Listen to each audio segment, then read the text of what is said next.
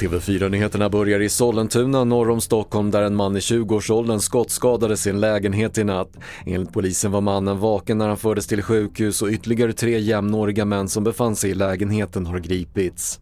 Ärendet är rubricerat som försök till mord och de här tre personerna är gripna som eh, misstänkta för delaktighet i det.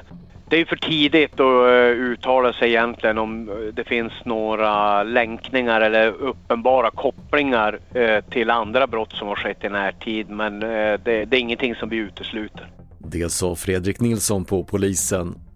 I Ukraina utsattes i natt flera städer och regioner för omfattande bombattacker. Bland annat rapporterar Kievs borgmästare om explosioner i södra delen av huvudstaden och som flera gånger tidigare ska viktig infrastruktur ha varit målen för attackerna.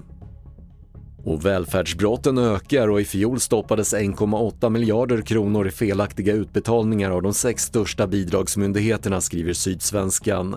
Försäkringskassan upptäckte flest misstänkta fall och de gällde främst felaktiga utbetalningar av barnbidrag, bostadsbidrag och föräldrapenning. Fler nyheter på TV4.se. Jag heter Patrik Lindström.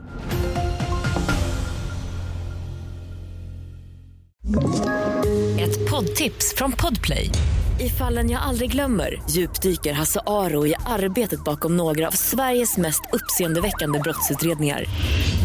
Går vi in med hemlig telefonavlyssning och, och då upplever vi att vi får en total förändring av hans beteende. Vad är det som händer nu? Vem är det som läcker?